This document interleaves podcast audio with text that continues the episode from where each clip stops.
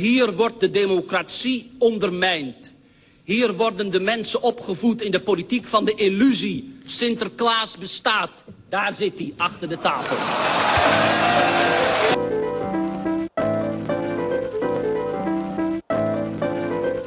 Welkom bij aflevering 16 van seizoen 2 van de Lieve Witte Mannen podcast. Ik zit hier met uh, Juri. Hallo Krijn. En Raoul. Hallo lieve luisteraars. En uh, vandaag gaan we het hebben over stagflatie. Het fragment dat je net hoorde, dat is, uh, dat is Hans, Hans Wiegel. Ja, Wiegel tegen ja. Joop den L in 1972. Beetje het begin van de oliecrisis. En ja, stagflatie is het toverwoord waar het daarover ging.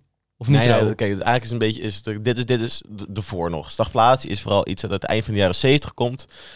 Um, inflatie. Stagflatie. Ja, dit was misschien inflatie dan. Ja, nou, ja, inflatie was wel langer daar, zeg maar. Maar dit is meer, dit, dit was meer een reactie op het uh, overheidsbeleid. Geld uitgeven, zeg maar. Een grotere overheid uh, waar hij tegen ageerde. Uh, en wat uiteindelijk ook die grote overheid, die uit die uit rol van de overheid, is het, heeft het ook moeten afleggen tegenover nou, neoliberale um, opvatting van de staat. En dus een verkleining van de staatsuitgaven en belastingdruk in het einde, in, in, de jaren 80, door de stagflatie van de jaren 70. Waar we nu zijn, um, kijk, er is dus nu, begin, er is, we, komen, we komen corona uit. er is, was sowieso, toen corona net voorbij was, was er al een soort van prijsshock. Doordat er zo plotseling zo extra veel grondstoffen gevraagd werd op de wereldmarkt. Waardoor de prijzen omhoog gingen en dus angst was voor inflatie. Dat velen zeiden dat is tijdelijke inflatie. Maar nu met uh, de oorlog in Oekraïne uh, en... Uh, nieuwe lockdowns in China. Nieuw, nieuwe lockdowns in China lijkt het erop dat het geen tijdelijke inflatie meer is. Maar dat we nou, naar een situatie van langdurige crisis en daar eventueel, als het huidige beleid doorvoeren, langdurende inflatie uh, um, mee gaan maken. Want als de economie stagneert, maar de rentestanden blijven laag, um, waardoor er heel veel geld op de markt is, dan gaat het zorgen dat er dus te veel geld is voor een economie die eigenlijk helemaal niet meer groeit. En wat krijgen we dan? Geldontwaarding. Geldinflatie. Inflatie. Inflatie. Maar voordat we het daadwerkelijk over inflatie en stagflatie gaan hebben, um, moeten we eerst even naar een ander rubriekje. Het is tijd voor opmerkelijk nieuws. Opmerkelijk nieuws. En in Duitsland is er uh, bij sommige Duitsers ook sprake van uh, ja, vaccinatieinflatie, zou je kunnen zeggen. Uh, vandaag komt het opmerkelijk nieuws een keer van de NOS. En het van de staatsomroep. Gebruik ook een keer, staatsomroep. Gaat een beetje ver. Maar uh, het artikel is: Duitser laat zich 87 keer prikken om vaccinatiebewijzen door te verkopen. Uh, en het is een 61-jarige ondernemend ingestelde Duitse man. Die, uh, die heeft die zich... gat in de markt zag. Ja, heeft zich tot 87 keer en een gat in zijn arm geprikt. Dat ook. Dat ook. Sommige keren drie keer per dag. dat hij naar de vaccinatiestraat ging en zichzelf laten vaccineren. Ja, want in Duitsland krijg je gewoon een soort van QR-code. En die kan je bij een apotheek dan laten zien. En dan uh, wordt dat in het systeem gezet op jouw naam. Dus tussen het prikken en uh, het maken van het vaccinatiebewijs wordt nergens verder heel strak gecontroleerd wie of wat die prik nou daadwerkelijk gezet heeft. Ja, het Duitse systeem is gewoon iets lastiger, omdat ze gewoon heel... Ze, het is gewoon heel gevoelig om daar medische gegevens centraal op te slaan. Dus daarom is het systeem heel decentraal gemaakt. Je krijgt een, je krijgt een code bij de vaccinatielocatie van tijdstip en welk vaccin je hebt gehad. En dan moet je naar de apotheker in Duitsland. En daar krijg je dan een officieel vaccinatiebewijs die ook weer je Duitse app kan zetten. Maar het is een heel ongereguleerd de decentraal systeem. Dus daardoor is het eigenlijk heel makkelijk om er soort van zo tussendoor te gaan. Dat die Duitse man zichzelf uh, 87 keer kan laten prikken. Maar ja, toch ook niet oneindig. Op een bepaald moment wordt hij gelukkig wel een keer herkend door een medewerker van een, uh, een prikpost. Uh, en die heeft het Rode Kruis gewaarschuwd. En toen hebben ze hem gepakt. Ja, ik denk niet dat hij. Ik weet niet. Ja, het verkopen van die vaccinatiebewijs is misschien strafbaar. Maar misschien ontkomt hij, ontspringt hij de dans nog wel strafrechtelijk. Ja. Het is gewoon een beetje zuur dat ze zeggen van ja, derde wereldlanden, sorry jongens, jullie kunnen echt geen vaccinaties hebben. Dat we echt nog niet genoeg hier in het Westen. En mooie man Duitsland, die zit gewoon, een, zit gewoon uh, 87 vaccinaties op te strijken voor zichzelf. Maar het is wel weer een heel interessant natuurlijk experiment wat hij aan het uitvoeren is. Ja, Hoeveel, vacci- hoeveel vaccins zijn te veel? Dat Als zijn, als zijn hart nu niet ontploft, dan hebben we in ieder geval een deel van de, de, de, de ideeën van een aantal acties van antivaxers ontkracht, zeg Ja, maar. Maar zijn NS1, lichaam moet wel NS1. vol met Ja, antistoffen. dus zijn. de, de, de antivaxers gebruiken één statistische methode, dat is eh, anekdotes. ja oké. Hele goede statistische methode. hoor. maar ja, laten we niet eh, te veel op anekdotes terugvallen. Eh, maar ja, de, we wilden het eigenlijk vandaag hebben over stagflatie en inflatie, omdat eh, er wordt gevreesd dat we weer in een situatie van stagflatie terechtkomen, omdat de inflatie is hoog. Mocht je het niet meegekregen hebben, 11,9% volgens de HCIP, de Europese graadmeter voor inflatie. Eh, en er is nog steeds het risico van economische krimp. Centrale banken verhogen rentes, maar rustig aan. En ja, ook omdat centrale ontzettend bank schuldenbol hebben. En dat rentes. kunt eigenlijk niet veroorloven om nu hoge hoge grondstofprijzen, ze krapte in de arbeidsmarkt. Het kan maar zo de andere kant op, uit opslaan.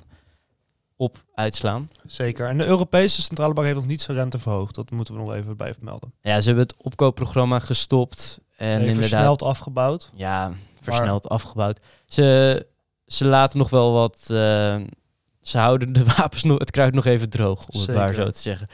Nou, je meet in ieder geval dat de centrale bank, want uiteindelijk ook ehm, inflatie is ook grotendeels af- af- afkomstig vanaf verwachtingen. Als je het, gezeik wat we horen van als, als mensen denken dat het inflatie gaat zijn, dan gaan ze hun alle prijzen ook aanpassen, alvast preventief zeg maar. Dus die ex- inflatieverwachting is ook heel belangrijk en dat probeert ik ook eh, in studies zoals, de centrale bank proberen die verwachting juist zo naar beneden bij te draaien. Zeggen dat, niet, dat niks aan de hand is, dat het vooral meevalt. Dat is ook een belang natuurlijk. Want als je het gaat aanzetten van ja, er gaat inflatie zijn, ja, dan versterkt het proces natuurlijk alleen maar. Ja, dat het gaat om angst helpen. en paniek, draait het allemaal in de inflatiemarkt. Is er paniek, denken mensen dat alles uit de hand gaat lopen, dan versterkt dat de paniek weer. Maar het is een beetje net als de politieagent die zegt: niks te zien, dames en heren, doorlopen, doorlopen. Dat is hetzelfde effect als die politieagent gaat zeggen: het loopt hier helemaal uit de klauwen, jongens. Maar Let we op gaan even jezelf, terug. dan is het paniek. Want eh, kijk, we hebben het nu over, over stagflatie. Eh, en waarom hebben we het over stagflatie? Nou, als we natuurlijk kijken, als wij onze een crisis proberen te duiden, dan kijken we altijd terug naar eerdere crisis die wij denken te begrijpen. Want elke keer hebben we een crisis en dan hebben we standaard economische eh, nou, ideeën of opvattingen over wat er gaat gebeuren als gevolg hiervan. Dat vaak eigenlijk elke keer wordt het verkeerd, het eh, bewezen, zeg maar. En toen in de jaren eh, net zoals in 2008 hebben we uiteindelijk zijn we heel erg gaan bezuinigen. Omdat eigenlijk dat was de oplossing van de stagflatie. Eh, en achteraf is het ook helemaal geen goede oplossing geweest. Het heeft ook landen in Zuid-Amerika, Zuid-Europa ook gewoon tien jaar achter gezet, zeg maar. Ehm, en in de jaren 70 hebben we juist de oplossing gekozen van uit de jaren 30. eh, waarin we dus zeiden van, we moeten eerst heel veel uit gaan geven eigenlijk. Dus, oh, en we kijken dus nu weer terug naar de... Dan denk ik nu van, oké, nu gaan we dus weer stagflatie krijgen. Dus we zijn nu weer heel gaan kijken naar de oplossing van de jaren 80. En wat we eigenlijk willen vertellen deze aflevering is... Wat is die stagflatie die in de jaren 70 was? En waarom... En wat waren specifieke omstandigheden waarin die inflatie opkwam en ook versterkt werd uiteindelijk? En dan wil ik ook graag zeggen waarom het dus niet vanzelfsprekend is dat er stagflatie uit zal komen, ook in onze situatie. Omdat onze reactie op deze hele eh, situatie gaat anders zijn. We leven in een andere economie, met een ander land, met, met andere economische opvattingen. Dus allereerst, wat is die, die stagflatie van de jaren 70? Zullen we daar beginnen of zullen we nog even de huidige situatie? Ja, daar Ik kunnen we- denk dat we eerst met wel de historie kunnen beginnen. Even kijken wat is nou gebeurd in de jaren 70, jaren 80. Maar dan moet je wel net iets voor de, de oliecrisis eigenlijk al beginnen. ja, want- ja, ja. Nee, zeker. Eigenlijk in 1966 is eigenlijk officieel een beetje het beginpunt. Dat is het dieptepunt van de inflatie van die cijfers van die tijd. En eigenlijk vanaf 1966 zie je eigenlijk dat de inflatiecijfers geleidelijk omhoog gaan naar een piek van 1975. Dan is die, Maar- dan is die 13% inflatie. Maar als je kijkt naar 1966 is dat best raar dat het daar begint, aangezien de goudstandaard op dat moment nog in stand Je moet het eigenlijk is. breder zien. Je moet het zien, eh zo, zo ik het zie in ieder geval, is... ehm, kijk, de, crisis, de, de, de, de, de stagflatie begint eigenlijk bij de, bij de eerdere crisis al, die van de jaren 30. Ehm, in de, de, de, de, de, de grote depressie van de jaren 30 was er een van een vraagtekort. Hè, in, de, in, de oude, in de klassieke economische theorie is het idee, er is crisis, de oplossing is, prijzen moeten naar beneden. Mensen maken produceren. ja, goed, goedkoop produceren. Dus er was, nou, eh, de, de, de, de financiële markten waren in elkaar gestort. eh, en ehm als veel schulden en de prijzen waren blijkbaar te hoog, ieder geval was te weinig vraag voor de producten die er geproduceerd werden. Dus nou, de klassieke theorie zegt, nou, dat, hè, er er gaat werkloosheid komen, mensen worden ontslagen, mensen gaan hun eh, loon verlagen. Waardoor weer interessanter worden voor andere mensen. En uiteindelijk zal dus een nieuw equilibrium ontstaan. Hè, want goedkopere arbeid, nieuwe industrieën. En dan komt er weer een nieuwe vraag. En uiteindelijk komen we de crisis uit. De overheid moet vooral niks doen. En laten we de economie laten we allemaal, allemaal zelf doen. Maar hè, wat dus uiteindelijk gebeurde destijds, is omdat de wereld was zo geglobaliseerd. En dat de financiële sector allemaal in de wereld eigenlijk in één keer in elkaar gedonderd was.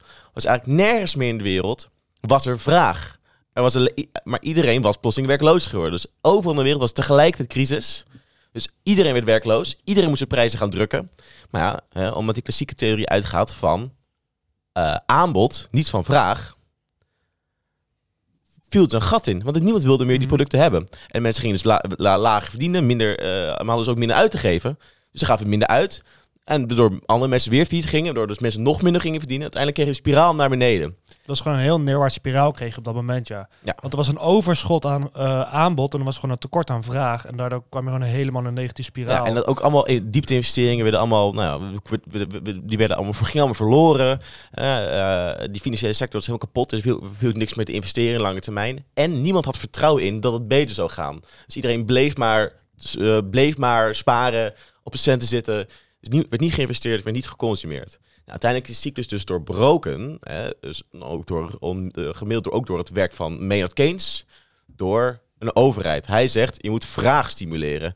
Dus een overheid moet grote programma's opzetten, werkprogramma's. De, de economie moet, moet in investeren. Zodat die pieken en dalen die je hebt, de conjunctuur en de economie, die moet je opvangen.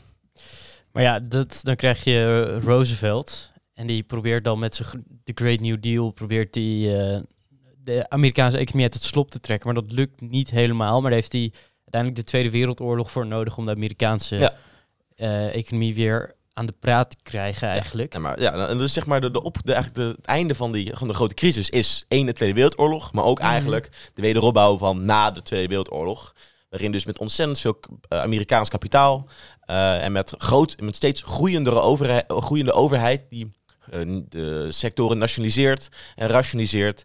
Uh, ook beïnvloed eigenlijk door het ogenschijnlijk succes van socialisme in Rusland. Een grotere staat leek de toekomst. Een staat die de economie deels kan beïnvloeden, kan sturen.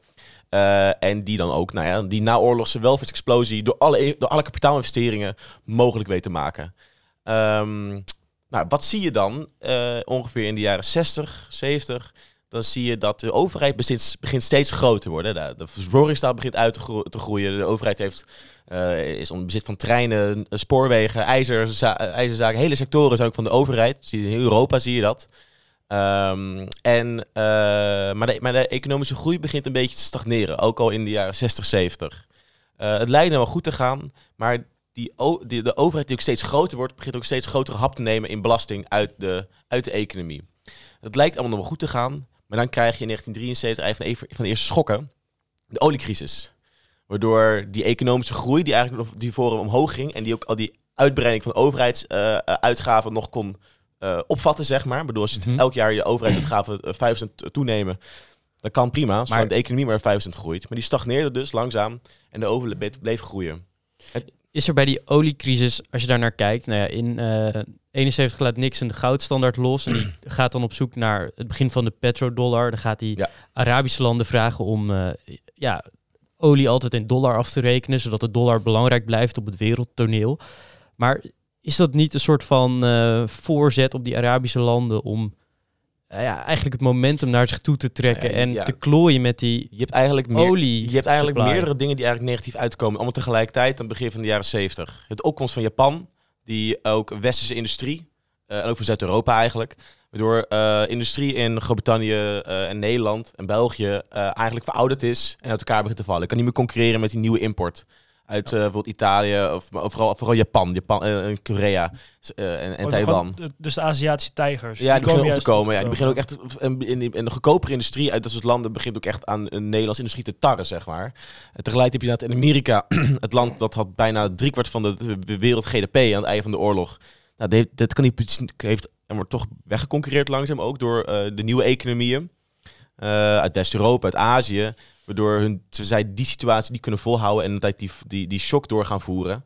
Uh, ja. Het gaan we de goudstandaard af en heeft ook een aantal invloed op, op, op uiteindelijk op de, op de wereldeconomie, ook negatief. Ja, want door de gouden standaard was eigenlijk de, de dollar was te duur naar verhouding. Waardoor Amerikaanse producenten altijd het nadeel hadden dat andere landen een munteenheid hadden die ze konden devalueren ten opzichte van de dollar.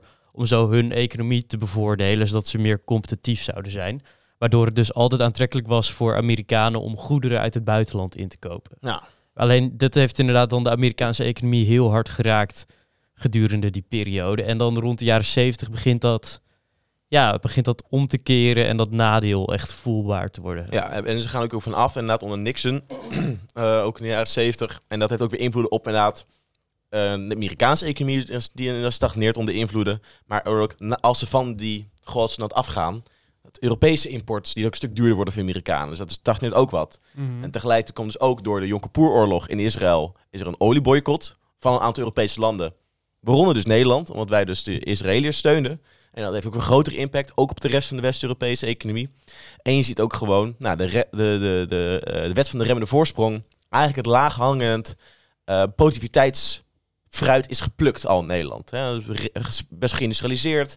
Alle goedkope investeringen zijn eigenlijk al gemaakt. Dus nu lopen eigenlijk als we nu nog, nog 10% eh, GDP-groei wilden hebben in de jaren 70, dan moeten we echt, nou, dan moesten we plotseling veel duurdere investeringen doen. Eh, high-tech moesten we gaan worden. We konden niet meer een goedkoop productieland zijn, zoals we wel nog waren in de jaren 50 en een beetje jaren 60. Plus door die globalisering gaan Nederlandse arbeiders eigenlijk ook concurreren met arbeiders in Azië die in die fabrieken Ja, werken. je ziet in de jaren 60 gaan we eigenlijk van een laag loonland naar een heel, ge- nou, nou, eigenlijk een van de meest welvarende landen van West-Europa. Maak enorme loon, eh, de loonexplosie heet dat. Maak enorme eh, inhaalslag eigenlijk. Maar dan creëert dus een situatie eigenlijk waarin dus er is meer buitenlandse concurrentie.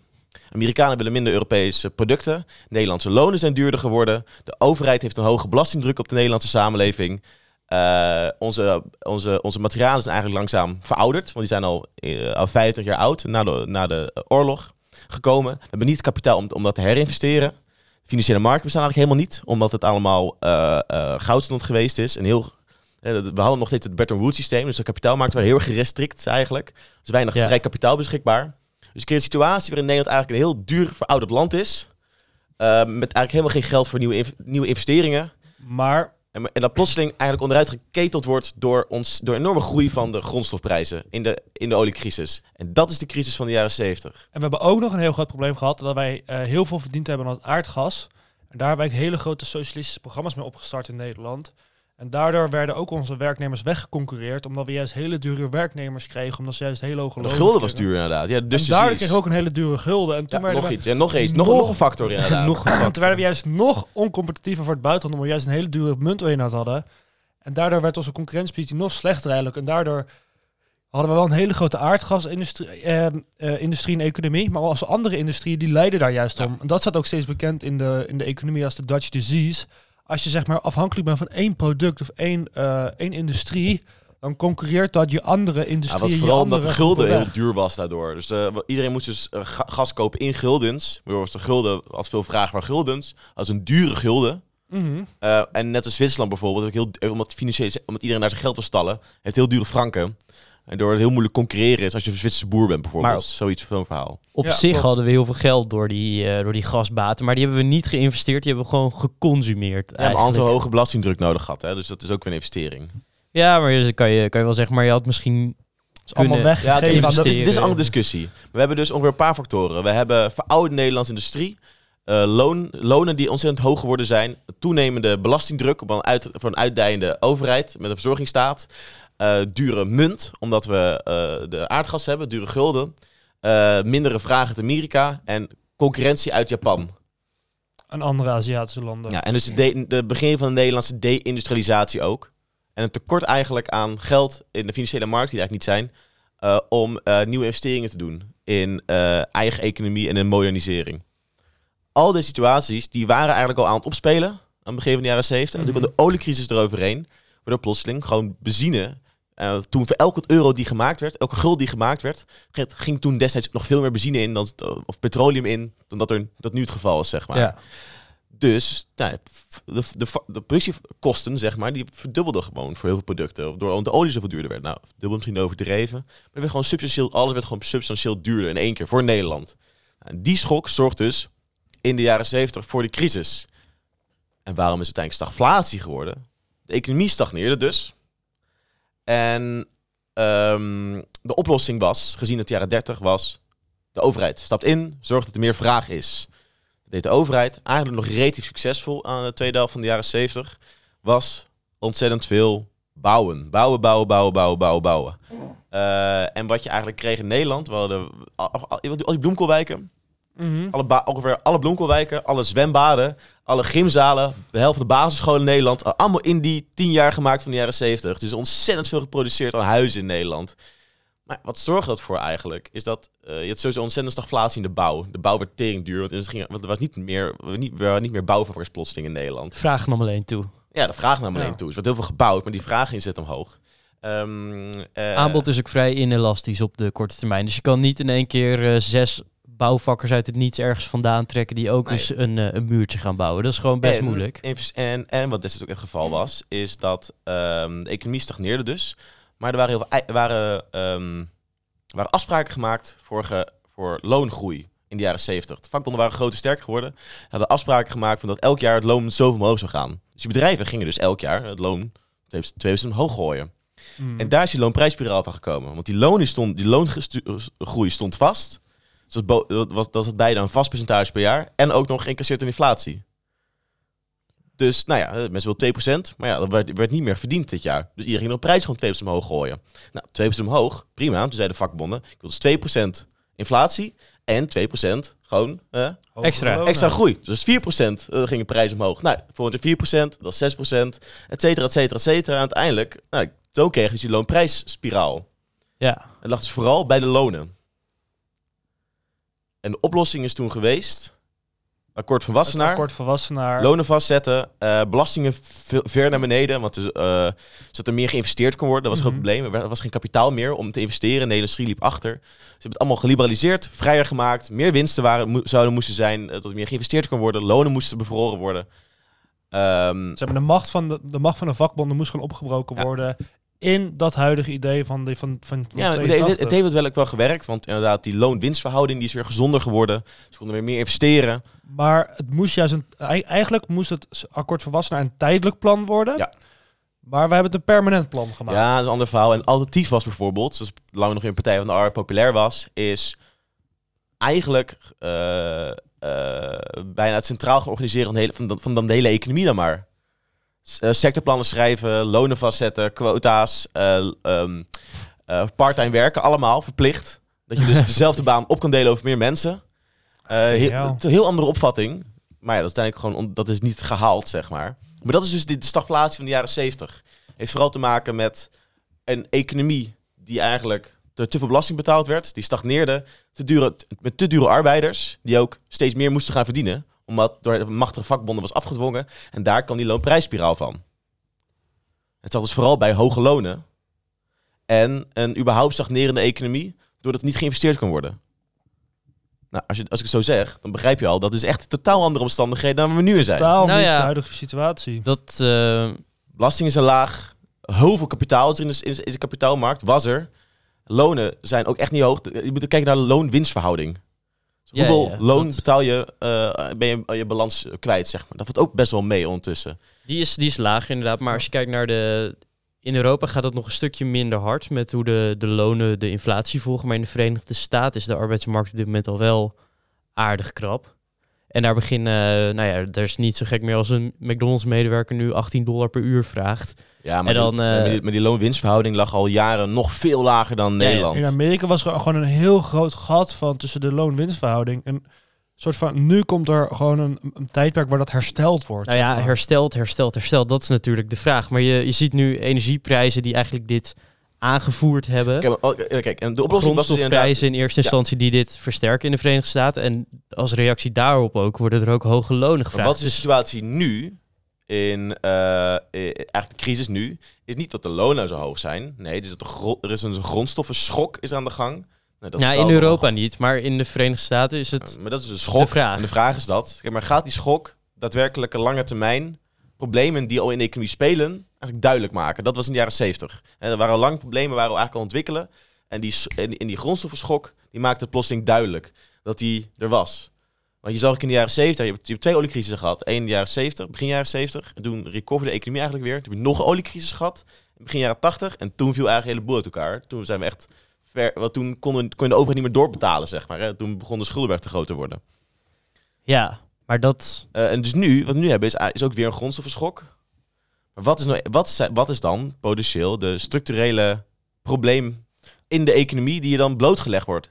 Ik zou zelf Nou, zeggen, We hebben een hele grote flexwerk-economie bijvoorbeeld. We hebben hele we hebben Maar dat is niet een probleem. Dat klinkt raar, maar voor economische Ja, het is groei is, dat voordelig. voor economische groei is dat voordelig, maar het zorgt voor heel veel on- onzekerheid op de arbeidsmarkt en daardoor ook eh, minder, minder lagere productiviteit natuurlijk. ik denk, dat kan ik op denk op- zelf het grootste probleem is dat we hebben. eh, en dat komt eigenlijk omdat we natuurlijk in die, na, na de crisis in 2008 de rentes laag gehad hebben. Ja, de huizenmarkt wil je zeggen. Er is zoveel schulden in de economie. Dus Ja. de economie is vol met schulden. Ja, maar het is Waardoor vooral mensen huishoudensschulden. Nee, maar door- nee, nee. Ook de overheid. Je mag wel even... De overheid, maar ook bedrijven, huishoudens. eh, maar en het probleem is natuurlijk daaraan, is dat je dus... De consumptie is gewoon, heel, is gewoon moeilijk aan te wakkeren. Ook nog na het einde van de crisis. Maar weet je wat het Ook, ook, is? De kosten eh, van die schulden die waren een hele tijd niet zo laag. Maar in Europa beginnen ook nu de rentes wat op te lopen. Dat heeft onder andere met inderdaad het afbouwen van het opkoopprogramma te maken. En in de VS zijn ze al bezig met echt de rentes verhogen.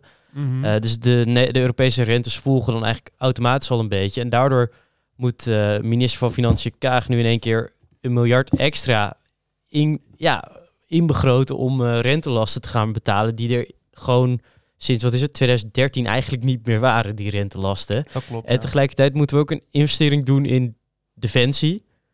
Uh-huh. Want we kunnen, we kunnen er niet meer op aan. We hebben een onbetrouwbare eh, oosterbuur. Nou, Als NAVO en over EU. we hebben een hele agressieve oosterbuur. Een hele- hele betrouwbaar. Ja, maar ook een, heel, ik, maar ook een onbetrouwbaar. waarschijnlijk heel incompetente Oosterbuur. Die er nog wel mee gaat vallen met hoeveel extra aan defensie uit moeten geven. Want volgens mij kunnen we nog wel het hoofd bieden. Met wat voor... Ja, ze hebben geen onuitwisbare indruk achter. Nee, nee, nee. Maar er mag, geen, er mag niet het beeld ontstaan dat Europa zwak is. Ik bedoel, dat beeld heeft ontstaan en nu gaan we waarschijnlijk een hoge prijs betalen om dat, dat beeld eh, te herstellen. ja, te herstellen.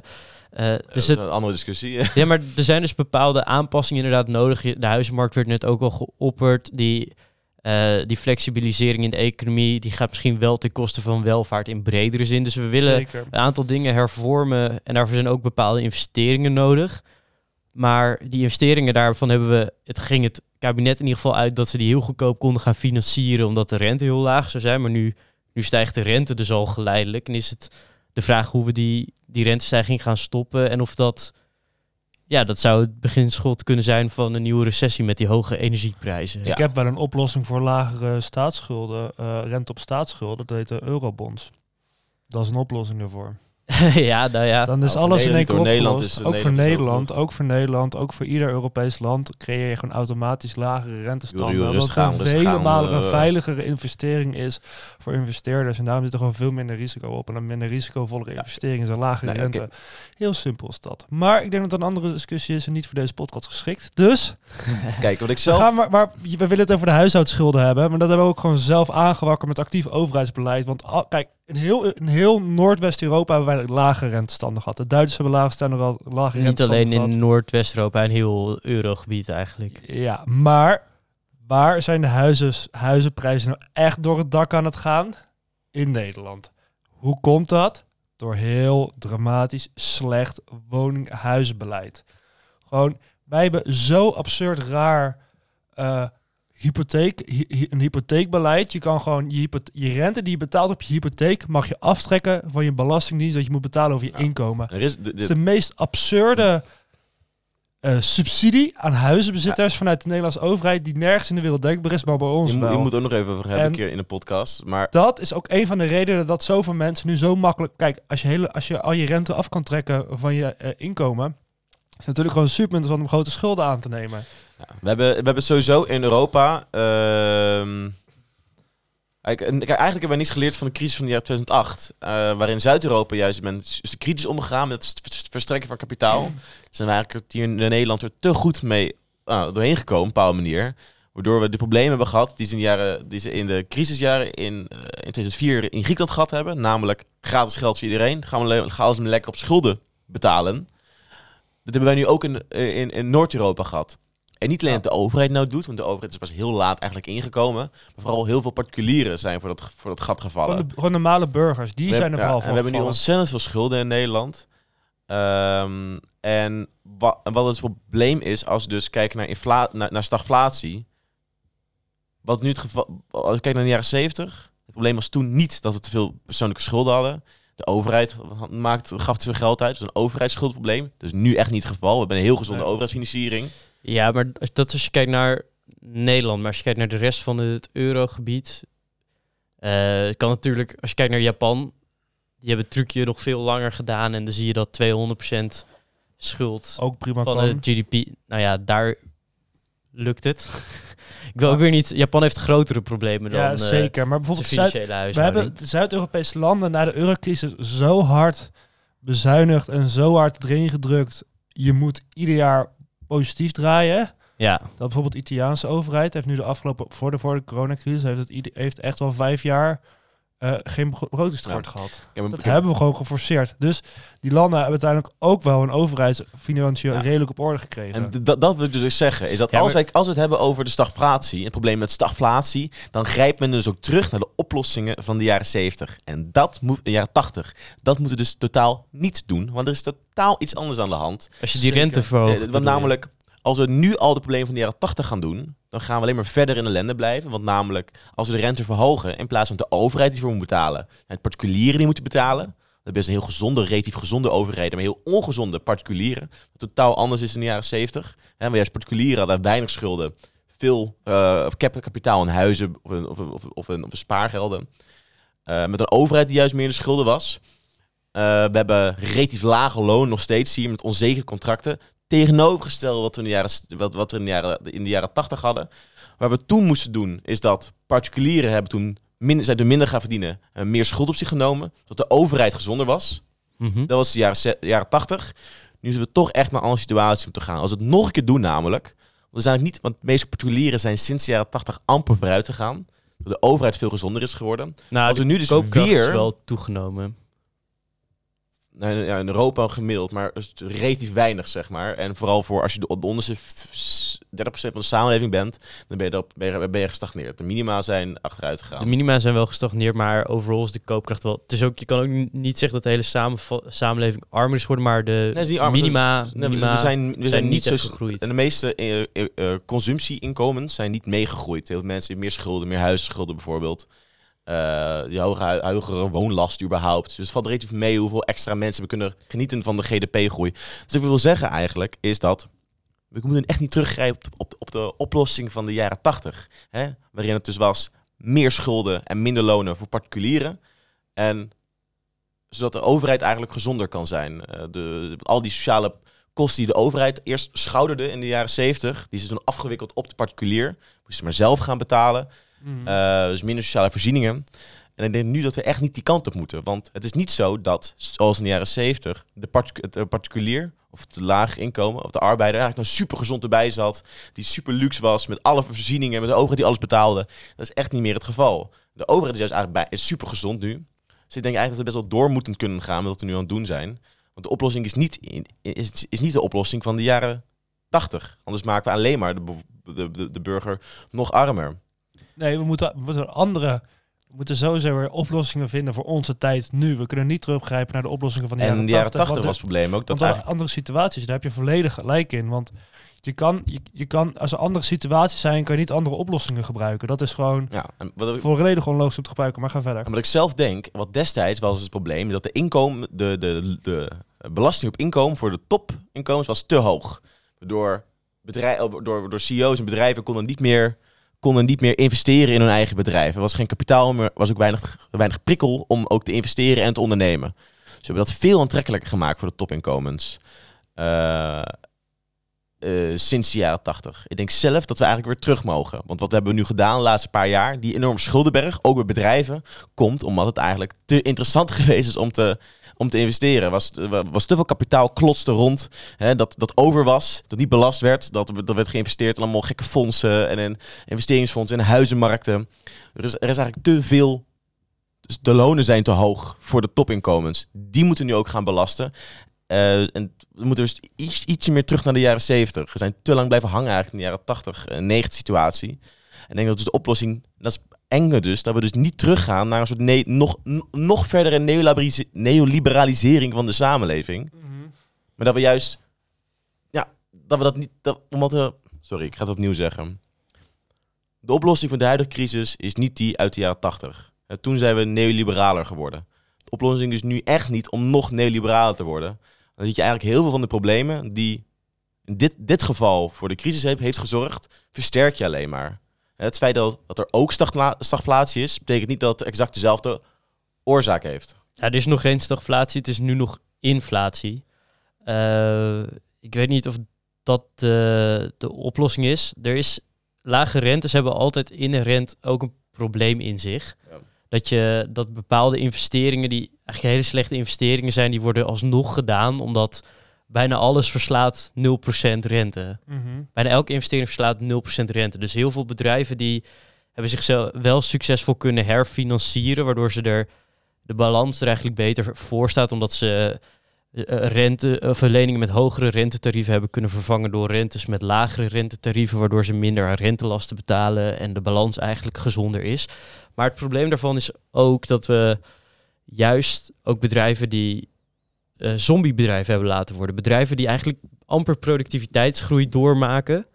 eh, die, zijn, die hebben gewoon in stand gehouden omdat de, de rentes die ze moesten betalen om hun schulden te herfinancieren zo laag waren dat ze zonder daadwerkelijk te innoveren telkens alleen maar hetzelfde trucje konden doen en schulden konden herfinancieren. Waardoor dus heel veel kapitaal is gestroomd naar bedrijven die niet echt productiviteitsgroei met zich meebrengen. En dat is wel, dus ja, dus dat heeft ook het moeilijker gemaakt voor creatieve destructie om juist de plek van dat soort bedrijven op te, op te nemen. Dus eh, negatieve rente is wel een soort van infuus. Het wordt wel eens vergeleken met, eh, met fiscale heroïne eigenlijk. Eh, en het is het in, ja, de Nederlandse overheid zal het grootste probleem niet hebben, want het is wel echt flink toegenomen trouwens, de schuld ten opzichte van het GDP. Eh, maar we, Ja, maar dat we is zijn ook niet zo hard gegroeid. De, de meest elegante manier om met je schulden om te gaan is eigenlijk door eruit te groeien. Ja. Door bijvoorbeeld als je 2% rente betaalt, 4% per jaar te groeien. Ja, dan houden je op langere termijn gewoon je schulden het niet bij ten opzichte van je, je inkomsten. Dus dat is, het, dat is het allermooist. Maar ja, hoe gaan we dat nu doen? Gaan we uit onze schulden groeien? Of misschien is de oplossing van deze crisis, want eh, wel gewoon om eigenlijk niks te doen. Dat klinkt heel raar, maar als de, als de inflatie 11% is, dan gaat je schuld best wel hard achteruit. En we hebben, als het echt puur in die grondstoffen zit en in de en in, ja, in grondstoffen, dan is het niet alsof je daar daadwerkelijk wat aan kan doen als overheid. Want we zijn, we zijn, wij, zijn geen prijszetter, we, zijn geen, we bepalen die markt helemaal niet. Eh, misschien ligt het dan helemaal buiten onze invloedssferen om en kan je misschien het beste zelfs niks doen. Want misschien maakt je interventie het nog wel slechter. Ehm, Hier vind ik eigenlijk wat je een goed punt hebt, Krijn. Want kijk, we hebben niet super grote problemen. Dat, kijk, het waait een beetje hard. Misschien kan u het horen op de podcast, misschien niet. We zijn een beetje afgeleid. Maar vooral, ehm, zeg maar, creatieve destructie. Ik vind het weer leuk dat je, dat, dit, dat je dit concept aanhaalt. Want dat is juist heel erg nodig voor economische groei natuurlijk. Je wilt juist dat onproductieve bedrijven een soort van... eh, of ze sterven af, of ze gaan failliet, zeg maar. Of ze gaan zichzelf helemaal opnieuw in de markt zetten. Komen met nieuwe radicale ideeën. Zodat het juist heel veel innovatie en economische groei aanjaagt. En door juist eigenlijk gewoon een hele lage rentestand te hebben... zijn eigenlijk al die bedrijven soort van aan een infuus gegaan... bij, gewoon hun, bij hun banken en investeringsmaatschappijen. En misschien is het ook wel juist goed... want een aantal onproductieve bedrijven in Nederland... krijgen juist nu wel weer een soort van een, een prik om van... nu moet je wel echt weer winst gaan maken. Je moet ook wel echt flink verbeteren... Anders is het gewoon klaar. En het is wel een soort wake-up call voor die zombiebedrijven die we nu gecreëerd hebben. Dat we het bedrijf gewoon wel weer door moeten in de innovatie en door moeten in, moeten in, een, in een vooruitgang. Ja. Dat, een stilstand is achteruitgang en een stilstand wil je nooit stimuleren. Dat is echt het probleem. ik En- denk, ze- maar het grootste probleem, ook tijdens de coronacrisis, hebben we eigenlijk alles en iedereen gesu- gesupport natuurlijk. En daar moeten we ook nog wel een tik van krijgen. Want er zijn er zoveel... We hebben recordlaagtes in aantal faillissementen in de afgelopen twee jaar. En dat kan gewoon niet. Je hebt creatieve destructie. Dat is onderdeel van, van, onze, van onze kapitalistische economie natuurlijk. Ja, ja, Je hebt gewoon vooruitgang nodig. Je moet, je moet door. Je moet, moet innoveren. En Duidelijk. daar gaan we echt nog wel een klap van krijgen. En ik denk, het grootste gedeelte van onze huidige inflatie is gewoon grondstoffen. Dat zijn allemaal, maar het komt allemaal door effecten waar wij totaal geen, eh, geen invloed hebben. Het zijn vooral, eh, het is nu, nu, nu zit weer een oliecrisis, omdat we uh, Ja, gascrisis, ja, we, omdat we, we hebben voor een de paar Russen, we hebben een door. paar prijsschokken meegemaakt. We hebben ook eh, radicaal lage hoogtes, eh, hoogtes gehad vorig jaar, omdat we weer een hele schok hadden gehad weer de coronacrisis en niemand had zin om ehm, Niemand wou olie kopen, daar hebben we ook hele problemen mee gehad. Nu is een extreem hoge vraag naar olie en gas natuurlijk weer. Ehm, dat is eigenlijk allemaal, komt dat nu weer terug. En we hebben ook allemaal eh aanvoerlijnen tekorten gehad. We hebben het Suezkanaal gehad, even, even een schok opgeleverd. Chinese havens gaan dicht, ze hebben schok op schok opgeleverd. We hebben als Nederlandse overheid weinig invloed op de huidige problemen. Wat vooral als je Nederlands invloed, je wilt de pieken eruit halen. De piek van de schok wil je verminderen. De, de, de dal Dat- bedoel je? Nee, de pieken van de inflatie bijvoorbeeld. Oh, ja. Je wil dat de, de, de armste mensen niet de hardste klappen krijgen. Dat is alleen wat je wil. Ik denk niet dat we echt hele grote nieuwe economische ontwikkelingen gaan doormaken. Want we zijn niet meer... Ja. We hebben geen politiek daarvoor en we hebben ook geen economie daarvoor... om grote radicale veranderingen nu in één keer een padboom door te gaan voeren. Het zal geleidelijk gaan, het zal met kleine stapjes gaan. We zullen misschien anders gaan nadenken over onze schulden of onze huizenmarkt worden we ook wel door geforceerd op een gegeven moment door de financiële markten. Want de banken krijgen ook gewoon een probleem zometeen. Stel de huizenprijzen gaan weer dalen, staat iedereen zijn hypotheek onder water. Is een gigantisch groot probleem, komen we er vanzelf weer achter dat het toch een probleem is. En dan gaan we toch wel even nadenken, moest het wel zo? Het komt uiteindelijk allemaal wel goed, denk ik. En het klinkt nu heel erg jaren 30 politiek ook weer. Begin jaren 30 politiek, de economie lost zichzelf wel op. Hoeven als overheid niet in te grijpen. Misschien is dat wel weer het antwoord nu. Nou ja, je wil, eh, ik denk wel dat het punt dat je maakt eh, terecht is dat je, je moet misschien niet te veel ingrijpen, maar de, de mensen die het het zwaarst hebben, Ja, je wilt de pieken eruit halen. Je wilt niet dat de hardste klappen bij de kwetsbaar het hardst neerkomen. ja, dus dan weet je wel dat je dan de accijnzen verlaagt op brandstof. Oké, dat is leuk, maar daar help je iedereen mee en dat is helemaal niet gericht. Ehm, Zo'n energiebudget van eh 800 euro extra vanuit de staat, dat is- klinkt dan een stuk beter al in de oren. Alleen dat, eh, ja, daar zijn andere meer operationele problemen mee qua kosten die gemeentes maken die niet in dat budget zitten. Eh, maar dat soort, dat soort keuzes worden niet heel sterk gemaakt op dit moment. De, Nee. Het beste wat je bedenkt is de accijnzen van brandstof afhalen. Dat is, Door ja, hele domme, simpele, kortzichtige Ja. maatregelen nu, waar het niet gericht aan juist zijn. Ja, ik denk zelf dat in, er er is nu een grondstoffenschok. Die moet gewoon even gebeuren. Een schok van financiën, die creatieve eh, die schok van ehm, mensen die Faillissementen. failli- faillissementen, omdat Ja. natuurlijk te weinig creatieve destructies geweest de laatste tijd. Eh, goedkoop kapitaal, dat gaat ook opdrogen, dus die zonbedrijven gaan eraf en een hoop mensen moeten toch nou, hoge grondstoffen even, een periode van hoge grondstofprijzen even weten te doorkomen. En ik denk dat het belangrijkste is, is dat we dus echt heel erg eh, nivellerend gaan werken in deze situatie. Ik bedoel, net zoals bij de financiële crisis in 2008, de mensen die eigenlijk van de periode voor 2008 hebben kunnen genieten, de huizenprijzen, de kapitaalbezitters, die hebben ook van de oplossing eigenlijk prima kunnen genieten. Die hebben de, Mhm. de, hun financiële investeringen bleef gegarandeerd, hebben werd, uitge, werd uitgebeeld met, met publiek geld. Nu weer, hè, de, de, de, de heropkomst is weer lage, lage rentes. En, en eh, waardoor heel veel mensen heel rijk zijn geworden en ontzettend kapitaal kunnen uitbreiden. En het risico is dat wij dus weer met publieke goederen voor hun gaan betalen. In de jaren 80 was het logisch, want toen waren inderdaad eigenlijk waren te weinig rijke mensen voor investeringen. Voor de economie waren er te weinig rijke mensen. Dat is nu niet meer het geval. Er is een overschot. Er is geen economisch nut meer voor zoveel rijke mensen. Dus nu moeten hun echt gaan inleveren. En ik denk, daar is ook wat huidige, de maatschappij is daar klaar voor. Je hoort nu steeds meer geluiden van, er moet een, er moet vermogensbelasting komen. Inkomen op vermogen moet belast worden. De economie, de mensen, de rijke mensen zelf, ze weten donders goed dat dit eraan komt. Ze voelen het zelf ook. En ze snappen hartstikke goed, het is gewoon tijd. Hoge vermogens, andere belastingssystemen, het komt eraan, het gaat veranderen.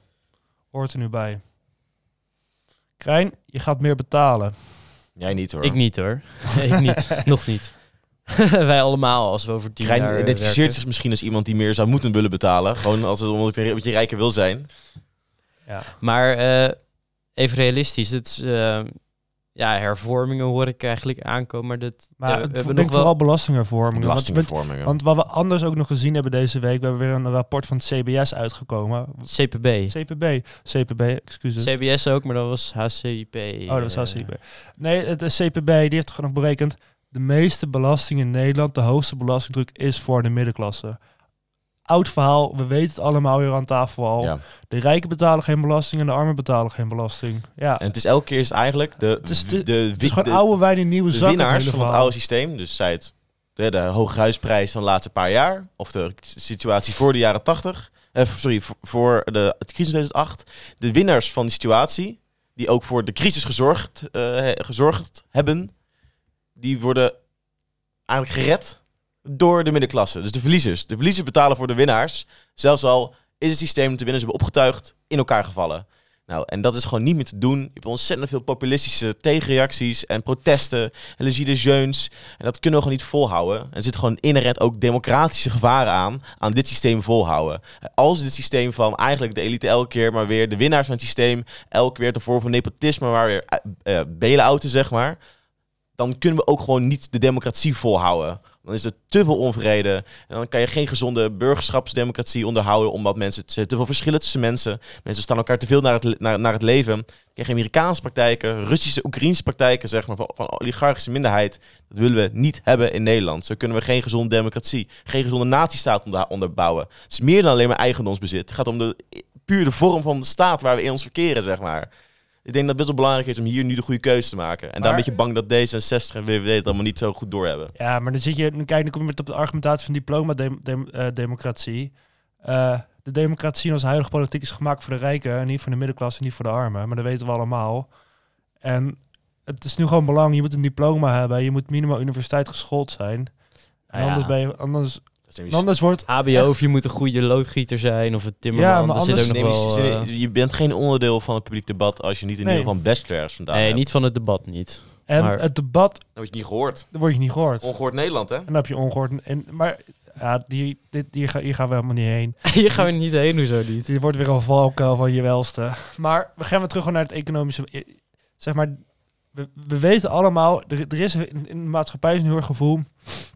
Het is tijd voor een iets nivellerende werkingen. We, we- we zien het allemaal wel komen, we voelen het allemaal wel komen, maar we hebben er allemaal niet zin in om het uit te voeren. Maar het zou ook niet eens zo heel extreem hoeven zijn. Als Nee, maar je, het zijn hele kleine knikjes tweaken. maar als je zeg maar die, die eh, wat was het nou, effectief betaalde de middenklasse 40% belasting over hun inkomsten en de hoogste klasse 24%. Als je nou in ieder geval al zorgt dat die hoogste klasse niet minder dan die 40% aan belasting betaalt, Ja, dan komt er al een hoop geld meer binnen. Mhm. En dat hoeft niet eens zo'n rigoureuze verandering te zijn, maar dat, daar kan je dan weer andere belangrijke dingen mee financieren. Dus dat, dat is iets dat je volgens mij blind moet doen.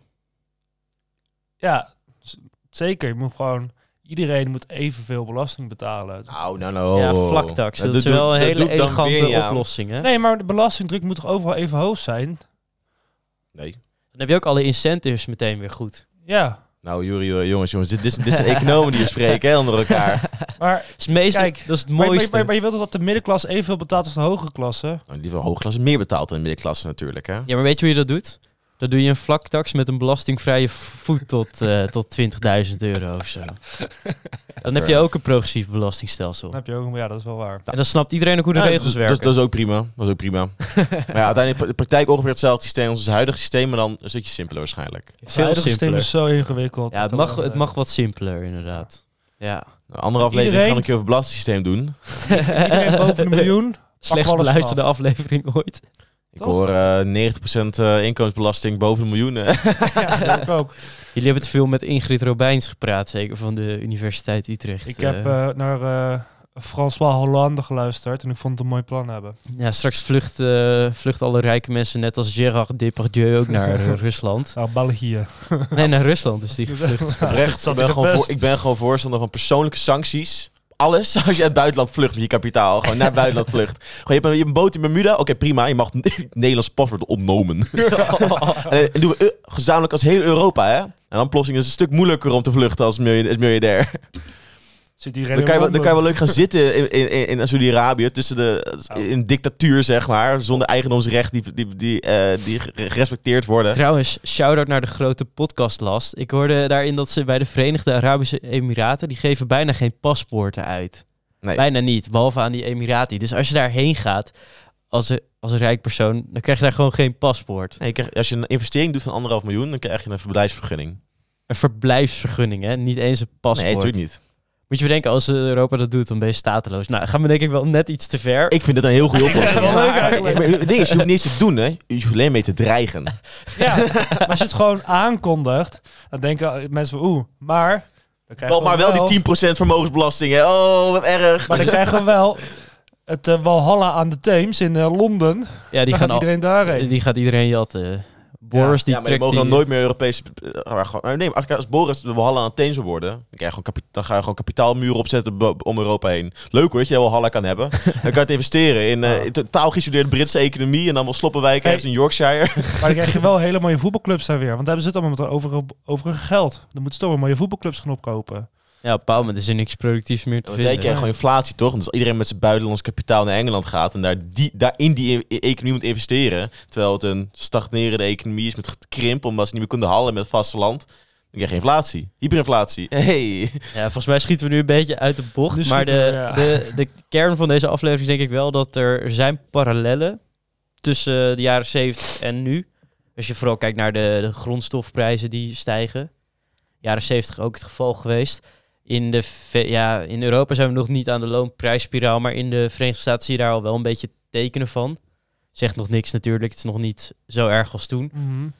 Ehm, Maar ja. de context, de context waarin de grondstofprijzen omhoog schieten, is volledig anders dan in de jaren 70 en 80 Ja, van toen- die tijd. We hebben een hele andere economie, een hele andere overheid, een hele andere politiek. Dus de andere oplossingen zijn nodig dan Ja. die toen genomen zijn. Ja. En iedereen, al die economen die telkens vergelijken met de jaren 70, jaren 80, moeten dit wel even naar achteren houden. Het was een andere tijd, andere context en andere oplossingen. En wat ook als een disclaimer gebruikt moet worden, economen lullen ook echt uit de nek, wij ook. En iedereen die Ik ben, over ik ben een historicus, dus ik lul niet in mijn nek. maar iedere, iedere, iedere zelfgenoemde expert die iets over inflatie zegt, lult ook altijd uit zijn nek. Dus sowieso uiteindelijk weten we helemaal geen reet over inflatie, maar doen we allemaal net alsof. Ja. Dat is Ja. nog wel een heel belangrijk puntje dat altijd Maar eh, wordt. dat denk, dat, dat denk ik dat inderdaad de juiste conclusie is. Ehm, Alleen eh, gebruik de geschiedenis niet als rechtvaardiging voor de huidige wereld. Eh, daar lijken bijna wel op te, op te lijken met, de- met, de met de hele stagflatie-discussie. Het is, het is echt, het is dat echt andere context. De, de, in de stagflatie uit de jaren 70 legde eigenlijk een aantal inherente fouten aan de economie bloot. Maar, dat zijn totaal, al- dat, maar die fouten heeft de huidige economie helemaal niet. En de oplossingen waren eigenlijk niet per se om de inflatie, de stagflatie te bestrijden, maar om die structurele problemen aan te, eh, aan te pakken, zeg maar. En als we nu die problemen gaan gebruiken op de huidige economie, dan los je helemaal niks op. De problemen zijn er niet. We hebben andere problemen. we hebben andere problemen. Ja. Zeker, goed gezegd. Het lijkt me mooi om op te, te En met, eindigen. en met die prachtige woorden wil ik de luisteraar weer bedanken voor het luisteren naar deze aflevering. En dan eh, zeg ik eh, tot de volgende keer. Tot de volgende keer, jongens. Tot de volgende keer.